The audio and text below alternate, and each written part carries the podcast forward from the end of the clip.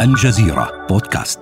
ارتكزت هذه الحلقة إلى البحث في المراجع والمصادر الموثوق بها وكتبت بضمير المتكلم لمقتضيات العمل الدرامي. ليلة أخرى من ليالي الصيف تطل على قصر الحمراء في غرناطة إحدى ممالك الأندلس. هو ليس بقصر عادي يطل على مروج واسعة تحيط به الأشجار وقنوات المياه. يشكل تحفة فنية ومعمارية. تزين جدرانه النقوش الإسلامية والزخرفات والرسومات. تتوزع في أرجائه القناطر والأعمدة الرخامية والقاعات. وغيرها من الشواهد على حضارة المسلمين في تلك البلاد وعلى تاريخ بني الأحمر سكان هذا القصر وحكام غرناطة لنحو قرنين ونصف القرن من الزمن. شهد هذا القصر احداثا كثيرة كان آخرها ماساويا. لا لا لا! ما بك يا محمد؟ ما الذي أغضبك؟ إنهما يخدعانني يا أمي. الملكان فرناندو وإيزابيلا لا يلتزمان بوعودهما لي. إنهما يعملان على إضعافي. وهل الغضب والندب يحلان مشكلتنا يا ملك غرناطة؟ أتريدينني أن أحاربهما؟ وأنت تعلمين أن جيشهما هو الأقوى؟ أتريدينني أن أموت كالملوك في المعارك؟ أنسيت أن ابني أحمد لا يزال رهينة لديهما؟ لا لا. لقد انتهينا. لا لا تقلها. وكيف لا أقولها؟ في وقت كان فيه الإسبان يقاتلون المسلمين بشراسة لإخراجهم من الأندلس. كنت أنا أقاتلهم بعدما استلمت الحكم في غرناطة. لم تبق مملكة صامدة أمامهم سواها. كانت بلاد الأندلس بأكملها. قد تفككت. وأنت لم تصمد. وأكملت مسيرة تفكك الأندلس فسلمت غرناطه إلى الإسبان. لا لا تلوميني يا إيمان. لما لا تلومين أمي بعد أن سلمت ابني رهينة للإسبان. سأحدثك اليوم عن الضغوط التي تعرضت لها وعن مسيرتي أنا سلطان غرناطة آخر سلاطين الأندلس. أبو عبد الله محمد الحادي عشر. تستمعون إلى حكايتي في بودكاست رموز من الجزيرة بودكاست. أقدمها إليكم أنا جهاد ويحدثكم أبو عبد الله بصوتي وترافقني في هذه الحلقة. إيمان.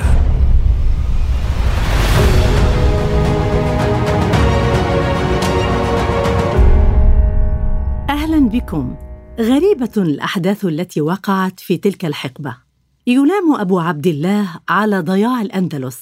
فهل كان هو المتسبب الفعلي أم أنه ضحية من ضحايا التاريخ الذين تحملوا وزر أخطاء سابقيهم؟ سنسمع منه اليوم حكايته. رافقونا في هذه الحلقة لتتعرفوا إلى أحد أكثر رموز التاريخ الإسلامي لغزا وجدلا.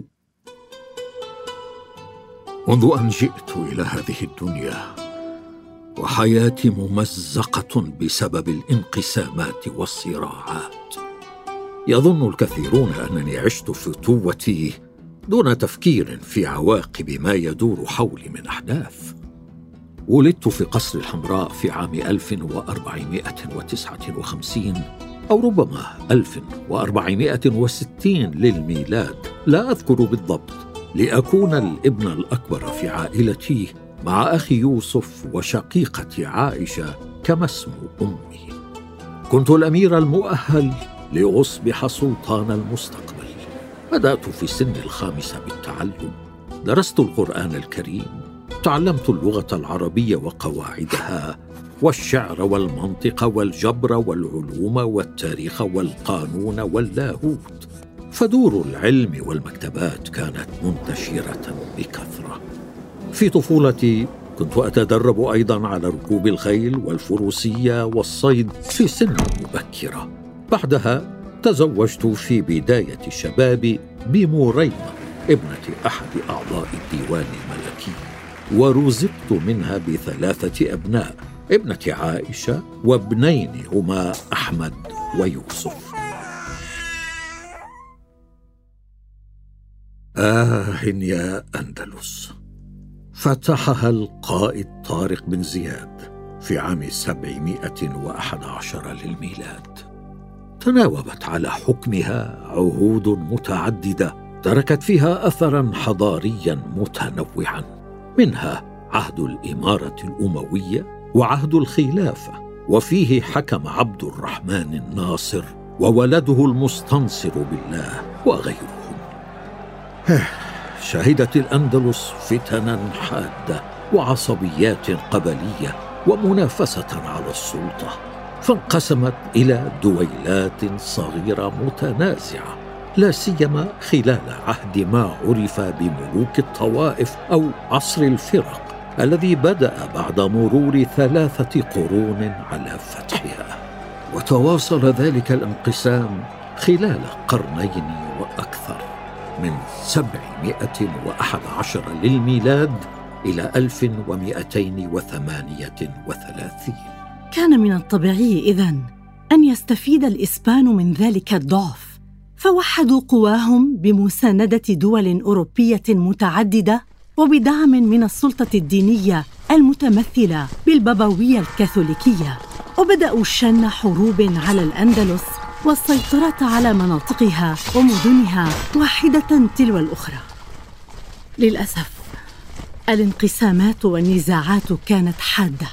نشأت بين المسلمين الذين استقروا في الأندلس منذ نشوئها ومجموعات أخرى من المسلمين حديثي العهد بالبلاد ناهيك عن الأرقاء الذين كانوا يجلبون وهم أطفال ليخدموا في القصور والجيش وقد أصبحوا يشكلون قوة كبيرة.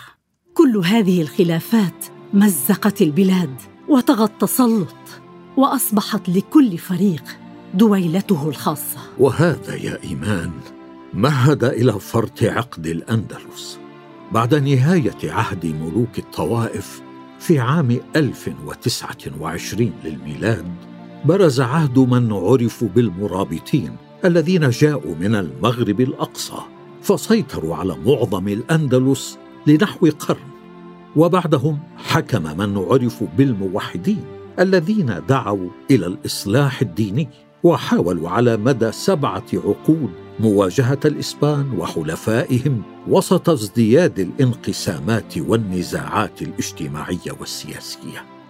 لكن عددا من القيادات رفض الاستسلام الكلي للإسبان وحلفائهم ومنهم جدي الأول محمد بن يوسف من بني الأحمر سلالة بني نصر السلالة التي تنتمي إلى سعد بن عبادة سيد الخزرج وأحد كبار الصحابة. ومنهم أيضا بنو نصر قدموا العهد في الأندلس وكانوا يقيمون في أحد حصون قرطبة المشهورة بوفرة غلالها. هب جدي الأول إلى إنقاذ ما تبقى من الأندلس التي كان ينتزع بعضها المتمردون على حكامها وينتزع بعضها الآخر الإفرنج بحروبهم عليها. خاض جدي حروبا ضد الإسبان وحلفائهم بمعاونة مؤيديه من العشائر واستعانته أحيانا بالمسلمين من الخارج لا سيما بني مرين في المغرب المجاورة. حقق انتصارات وانكسارات في هذه الحروب. هادن الإسبان عندما كان يرى حاجة إلى ذلك. نجح في النهاية في تأسيس مملكة غرناطة التي بقيت وحيدة مستعصية على الإسبان. تقع مملكة غرناطة جنوبي ما أصبح يعرف بإسبانيا اليوم. ما أغناها بالهضاب والسهول. تضم ثلاث ولايات كبيرة تشكل جغرافيتها وهي ولاية غرناطة وولاية ألميريا وولاية مالاغا عاصمة هذه المملكة مدينة اسمها غرناطة أيضا. تصل حدودها بولاياتها الثلاث إلى شرقي البحر الأبيض المتوسط ومضيق جبل طارق. ومع أنها تميزت كباقي بلاد الأندلس بحضارة يشهد لها التاريخ إلا أن شبح الفتنة داخلها أطل برأسه باكرا ضمن البيت الواحد طمعا بالسلطة ألم تتآمر لتستلم الحكم قبل أوانك؟ بل قولي إن زوجي أبا الحسن هو الذي تآمر على ولدي فأبو عبد الله لم يكن يوما متوحشا ولا دمويا ابني فارس شهم يا إيمان من؟ الملكة عائشة أم أبي عبد الله؟ لم أعد الملكة أبو الحسن حرمني من هذا اللقب. لم أفهم. كيف ذلك؟ أنا وزوجي أبو الحسن أبناء عمومة. بقي زواجنا على أفضل ما يرام لمدة عشرين عاماً قبل أن يتحول هذا الانسجام إلى كراهية. فتلقيت حينها مع أبنائي الثلاثة أقصى معاملة منه. سيخبرك ابني بالتفاصيل. أسرت فتاة جميلة مع عدد من الفتيات الأخريات. خلال إغارة جنود أبي على قرية بالقرب من قرطبة أصبحت جارية تتولى خدمة شقيقتي في قصر الحمراء. رآها أبي فأعجبت قرر الزواج بها. جعلها زوجته الثانية بعد أم عائشة. اعتنقت الإسلام وأنجبت ثلاثة أبناء. توفي أحدهم وهو صغير بسبب المرض وبقي سعد وهو الأكبر ونصر. زواج أبيك الثاني هو سبب خلافك معه؟ بالطبع لا. بالطبع لا يا إيمان. للأسف كان أبي قد بدأ يشيخ وتثقله السموم أصبح أداة طيعة بيد زوجته الجديدة وهي كانت كثيرة الدهاء والأطماع. استأثرت بالسلطان والنفوذ حرضته ضده. استخدمت معه جميع أصناف الدس والإغراء لإبعادنا عن حياته. كانت تسعى إلى جعله يولي أحد ولديها سعد أو نصر من بعده. نزل أبي عند رغبتها وأطاعها. إن أول ما فعله هو عزلي مع امي وشقيقي يوسف وشقيقة عائشة في برج من أبراج قصر الحمراء البعيد عن مركز الحكم. كان برجا منيعا. شدد الحجر علينا وهناك عوملنا بقسوة. كنت الاحق بتولي الملك. لم تستسلم أمي لهذا القدر الجائر وهي الموصوفه بشدة عزمها وشجاعتها. كان لابد لي من التحرك. لكن ماذا فعلتم وأنتم معتقلون تحت حراسة مشددة؟ أثار تصرف أبي تجاهنا غضب كبار القوم في غرناطه الذين رأوا أن شرعية تولي الحكم هي لنا فقط. اشتد السخط عليه وعلى زوجته الثانية التي أضحت سيدة غرناطة الحقيقية. عمدت أمي إلى التواصل بسرية مع الأشخاص المخلصين لها في القصر. نجحت عبرهم في الاتصال بأنصارها وببني سراج أقوى أسر غرناطة. خططت معهم بمعاونة المخلصين لها على فرارهم. استعنا بأغطية الأفرشة وجعلناها كالحبال للهبوط من نوافذ البرج الشاهق. تدلى كل منا نحو الأرض واحدا تلو الآخر. كان بعض الأصدقاء بانتظارنا مع عدد من الخيول. فررنا مبتعدين عن المكان. توجهنا إلى وادي آش حيث تجمع أنصارنا. كان ذلك في عام 1482 يا لجرأتكم ماذا فعل أبوك حينها؟ بعد اكتشافه الأمر. انتقم من بني سراج وعمد إلى إهلاك العديد. منهم للأسف للأسف يا إيمان اشتعلت حرب أهلية في غرناطة نتيجة ما فعله بنا وببني سراج. سخط الناس عليه أكثر. استغل الإسبان هذا الأمر فشنوا حربا على غرناطة استطاعوا أن يستولوا على بعض المناطق. هرع أبي إلى محاربتهم بجنوده نجح في إيقاف تقدمهم لكن رغم نجاحه في ذلك لم تستكن نار الثورة ضده في الداخل. قدت أنصاري حينها وهاجمناه استطعنا هزيمته فر إلى ولاية مالغا التي يتولى أمرها أخوه الأمير محمد بن سعد الملقب بالزغل نظرا إلى شجاعته وبسالته. جلست حينها على العرش. كان ذلك في عام 1482 حصلت على اللقب الفخري الغالب بالله وصرت أعرف بالسلطان أبي عبد الله محمد الحادي عشر. كما عرفت باسم أبي عبد الله الصغير كي يتم التمييز بيني وبين عمي الزغل الذي يحمل اسم أبي عبد الله محمد أيضا. أطاعتني ولايتا غرناطة والمارية وبقيت ولاية مالقة ومنطقة حولها اسمها روندا ووادي آش غربي الأندلس على طاعة أبي. ألم تسهم في خطوتك هذه بتقسيم مملكة غرناطة؟ كان الإسبان على أبوابنا يا إيمان. أصبحوا أقوياء أكثر من الأول بفضل اتحادهم في عام 1479 اتحدت ممالكهم التي كانت منقسمة قبل ذلك التاريخ. حدث ذلك بعد زواج ملك أراغون فرناندو بملكة قشتالة وليون إيزابيلا أصبحت إسبانيا قوية موحدة يجلس على عرشها هذان الملكان الزوجان لم أكن لأسمح لا أنا ولا أمي ولا أنصارنا بإضعاف مملكتنا بيد بعض الطامحين. تواصلت الحروب بين جيوشنا وجيوش الإسبان. عمي الزغل هزمهم هزيمة نكراء قرب ولاية مالقا في عام 1483 قتل وأسر الآلاف منهم. أنا بدوري عملت منذ تسلم الحكم على مواجهتهم. في ذلك العام أيضا يا إيمان بعدما أحرق جنودهم محاصيلنا قدت ألفا وخمسمائة فارس. وسبعة آلاف من الجنود المشاة ودمرنا حقول القمح وكروم العنب في إحدى مناطقهم توجهت بعدها بجيش نحو قرطبة شمال غربي مملكة غرناطة والتي يحكمها الإسبان. اجتحنا في طريقنا العديد من البلدات والحصون الإسبانية.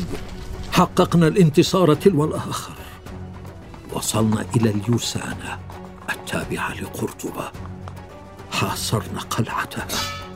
نشبت بيننا وبين الجنود الإسبان معركة شرسة. هزمنا أجبروا جيشي على الأنسحاب.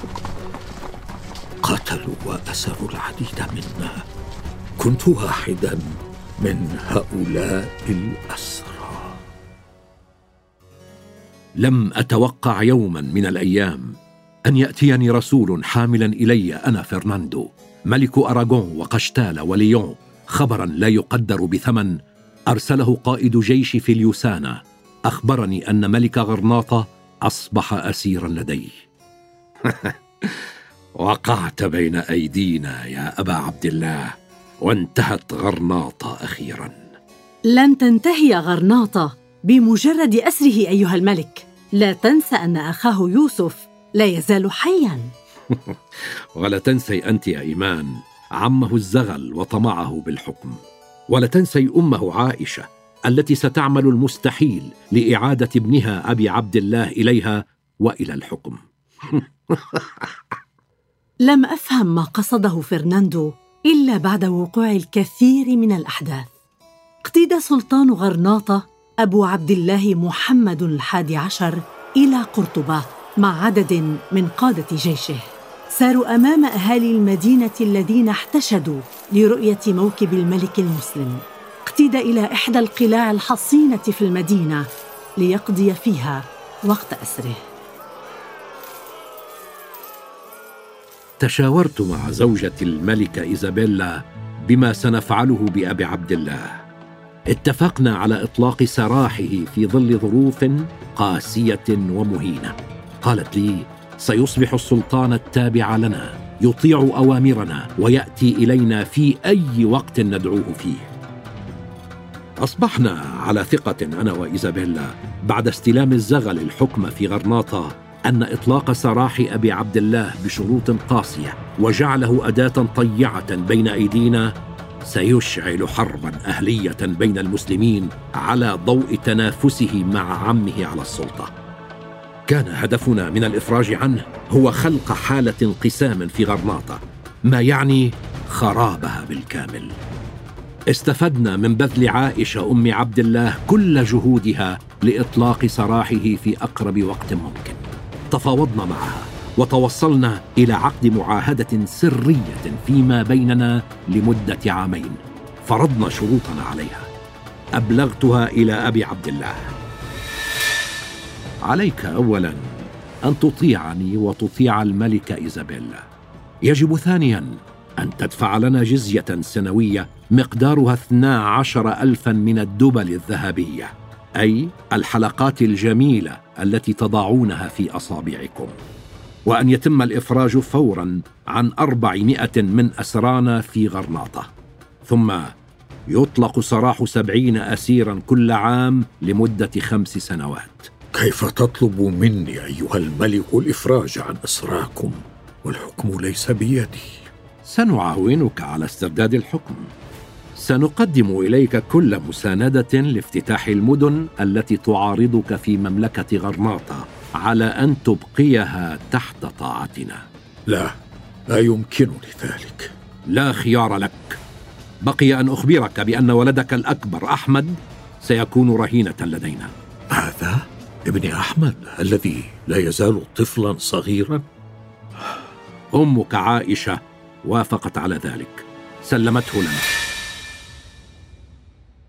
أطلق سراحي في أواخر عام 1485 قضيت أكثر من سنتين أسيرا لدى الإسبان. أصابتني أمي في مقتل بتصرفها هذا. كانت تريد إنقاذي. أعرف ذلك لكنه أحمد ولدي وافقت مرغما على شروط فرناندو. هو مستعد ليضع كل إمكاناته تحت تصرفك. ما دمت تخدمه في غرناطة.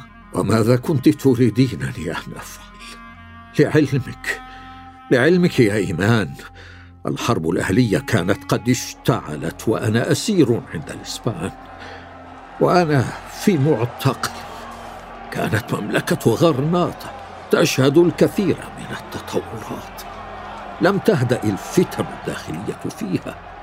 في ربيع عام 1485 قبل تحرري من الأسر ببضعة شهور استولى عمي الزغل على ولاية المرية التي يتحصن فيها شقيق يوسف مع أنصارنا. أمر بقتل كبار مؤيدين وكذلك شقيق يوسف. توفي أبي أيضا. قبل خروجي من المعتقل.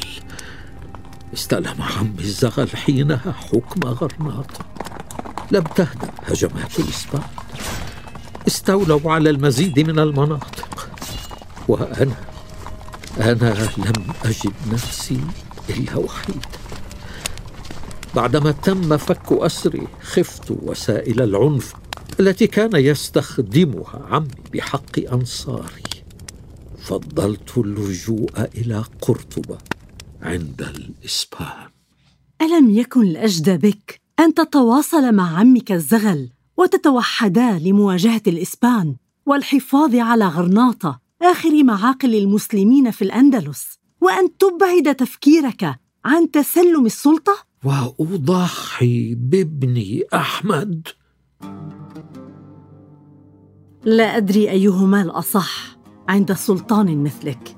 التضحية بولدك لتكسب بلادك وشعبك. أم التضحية ببلادك وشعبك لبقاء ولدك حيا؟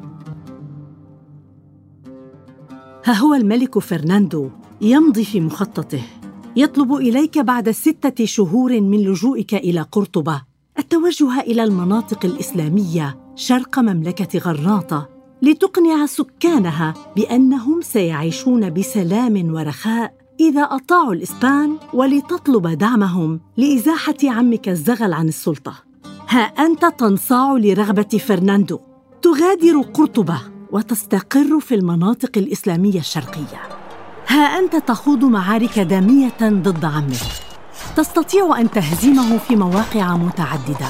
وتنجح في العودة إلى ولاية غرناطة واستلام الحكم فيها للمرة الثانية أواخر صيف عام 1487 بدلاً منه. قسمت مملكة غرناطة بينكما. استغل الإسبان خلافاتكما الداخلية بشكل أكبر. سيطروا على المزيد من المناطق فيها ومنها ولاية مالجا وفرضوا على أهاليها شروطهم. ركزوا في حروبهم في تلك الفترة على المناطق التي يسيطر عليها الزغل. استطاعوا أن ينتصروا عليه نهائياً. دخل تحت طاعتهم لكنه لم يتحمل الوضع كثيراً. فغادر إلى وهران في بلاد المغرب العربي مع مطلع عام 1490 لكن أخبرني لماذا أرسلت مفوضين من قبلك مطلع عام 1490 إلى الملكين فرناندو وإيزابيلا؟ على ماذا فوضتهما؟ شعرت بأنهما يخدعانني كان ردهما دليلا على شعور هذا تأكدت أنه لم يكن لديهما النية الحسنة للحفاظ على وعودهما لي ظننت أن فرناندو يتصرف معي كصديق بينما الحقيقة التي تجلت أمامي حينها هو استغلاله لي وإظهاري أمام شعبي بأنني ضعيف وغير وفي. هل من عاقل يثق بعدو طامع؟ ألم تدرك أنك تتعامل مع ملك طموح وقوي؟ اعلمي يا إيمان أنني لا أتنازل عن غرناطة بسهولة رغم الوضع الدقيق والخطر المحيط بي. ورغم وجود ولدي في الأسر قررت جمع العديد من الأنصار والجنود ومهاجمة مواقع احتلها الإسبان. شجعتني والدتي على قتالي صيف عام 1490 نجحت في تحرير بعض المدن التابعة لولاية الماريه حاولت إعادة بناء مملكتي على أثر هذه الانتصارات. لكن الوقت ضاق يا إيمان. الإسبان تابعوا السيطرة على مناطقنا. لم يبق أمامهم إلا ولاية غرناطة وحدها لتطويعها وتطويع أنا ملكها وتطويع شعبها أرسلوا ما يفوق خمسين ألف جندي لهذه الغاية مزودين بالمدافع والقوة الوفية بدأوا في ربيع عام 1491 بحصار ولاية غرناطة. أنشأوا بأمر من ملكتهم إيزابيلا معسكرا حولها لسد منافذها وقطع الإمدادات عنها. حولوه فيما بعد إلى مدينة أطلقوا عليها اسم سانتا في أي الإيمان المقدس. فشلت محاولات اقتحامهم المتكررة لغرناطة. قاومهم الغرناطيون دام الحصار سبعة شهور أصابنا الجوع والمرض. لم يعد بإمكاننا المقاومة. اجتمع أعيان قومنا وقرروا تسليمها. طلبوا إلي قيام بذلك. وقعت مع الإسبان على معاهدة التسليم. في أواخر عام ألف وأربعمائة وواحد وتسعين. كان بإمكانك الدفاع أكثر عن غرناطة والموت كالملوك. الموت مرة واحدة ولا الموت مرات متعددة وأنا حي. هذا صحيح. إذا مت واستطعت الحفاظ علينا من بعدك. الناس يعتقدون بأنك نصحته بأن يطلب من الإسبان سمح له ولعائلته ولمواطني غرناطة بالعبور إلى شمال أفريقيا. لم يعد في إمكاننا زرع المحاصيل في غرناطة. النساء في الشوارع يحملن أطفالهن ويتسولن للحصول على طعام. العديد من فرسان الجيش وضباطه لقوا حتفهم. مات عدد من أطفالنا بسبب الحصار والقتال. كان لابد من الاستسلام إذن؟ لم يكن من مفر. فاوضت الإسبان وعملت ما بوسعي للحصول على أفضل الشروط. قررت الانسحاب من ولاية غرناطة كي لا تلحق الأذية بمواطنيها. أردت أن يستمروا بالعيش بحرية فيها. وعده الإسبان حينها بأن يسمحوا للمسلمين بالبقاء في غرناطة وممارسة شعائرهم الدينية بكل حرية وغيرها من الشروط التي تضمن حقوقهم. أول شروط المعاهدة كان إعادة ولد أحمد إليه الذي كان لا يزال رهينة لديهم منذ سنوات. بقيتم اذا في غرناطة لكن تحت طاعة الإسبان. لم يكن من خيار أمامنا. لكن بعد فترة قصيرة من توقيع معاهدتي معهم بدا التململ يتفشى بين العديد من أبناء شعبي عندما علموا بأنني سأسلم غرناطه إليهم. كتبت رسالة سرية إلى الملك فرناندو في ليلة أول أيام عام 1492 طلبت منه فيها أن يرسل ممثلا عنه في الليلة ذاتها لتسليمه قصر الحمراء. خفت من قيام المستائين مني بعمل متهور يدخلنا في نهر لا ترحم. إذا تم التسليم في وضح النهار أو التأخر بتنفيذه استجاب لطلبي. وصل ممثله مع مجموعة من الفرسان عند فجر اليوم التالي. استقبلتهم في القصر.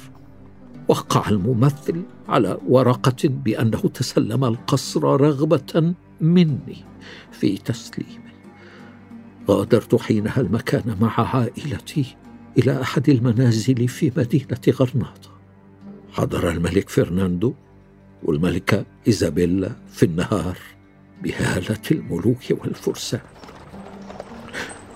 رفع العلم الإسباني فوق أعلى برج يراه سكان المدينة. سلمت مفاتيح قصر الحمراء إلى فرناندو. قلت له يا إلهي كم أحبك أيها الملك؟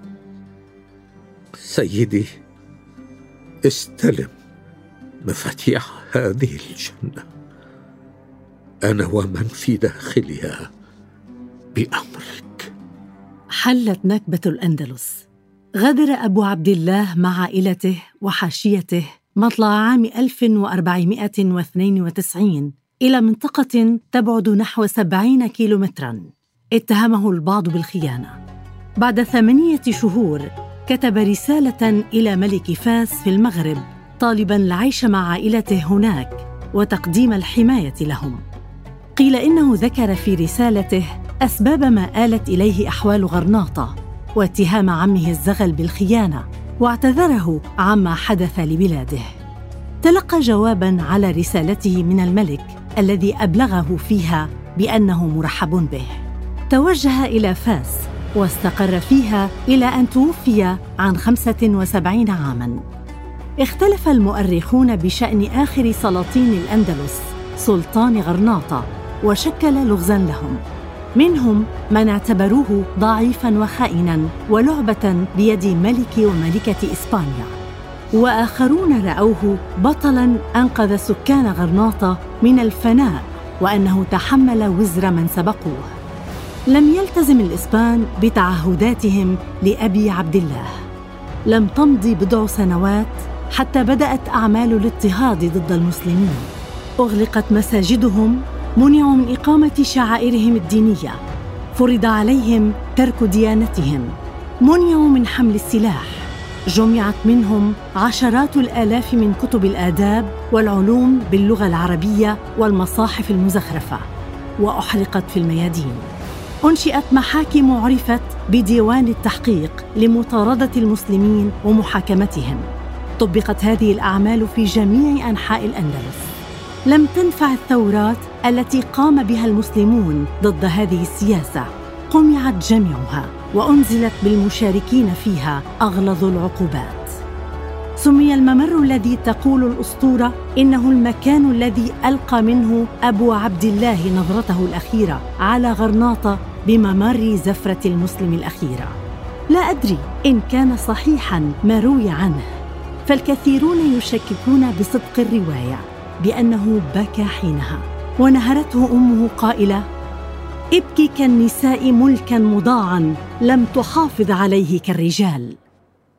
في الحلقة المقبلة من بودكاست رموز سنتناول سيرة رمز آخر رحل وترك أثره في حياتنا. لا تفوتوا حلقتنا التالية ويمكنكم الاستماع إلينا عبر جوجل بودكاست أو أبل بودكاست أو ساوند كلاود. فقط ابحثوا عن الجزيرة بودكاست. كما لا تنسوا مشاركة هذه الحلقة وزيارة موقعنا على الإنترنت podcast.aljazeera.net كان معكم جهاد وإيمان من بودكاست رموز من الجزيرة. إلى, إلى اللقاء, اللقاء.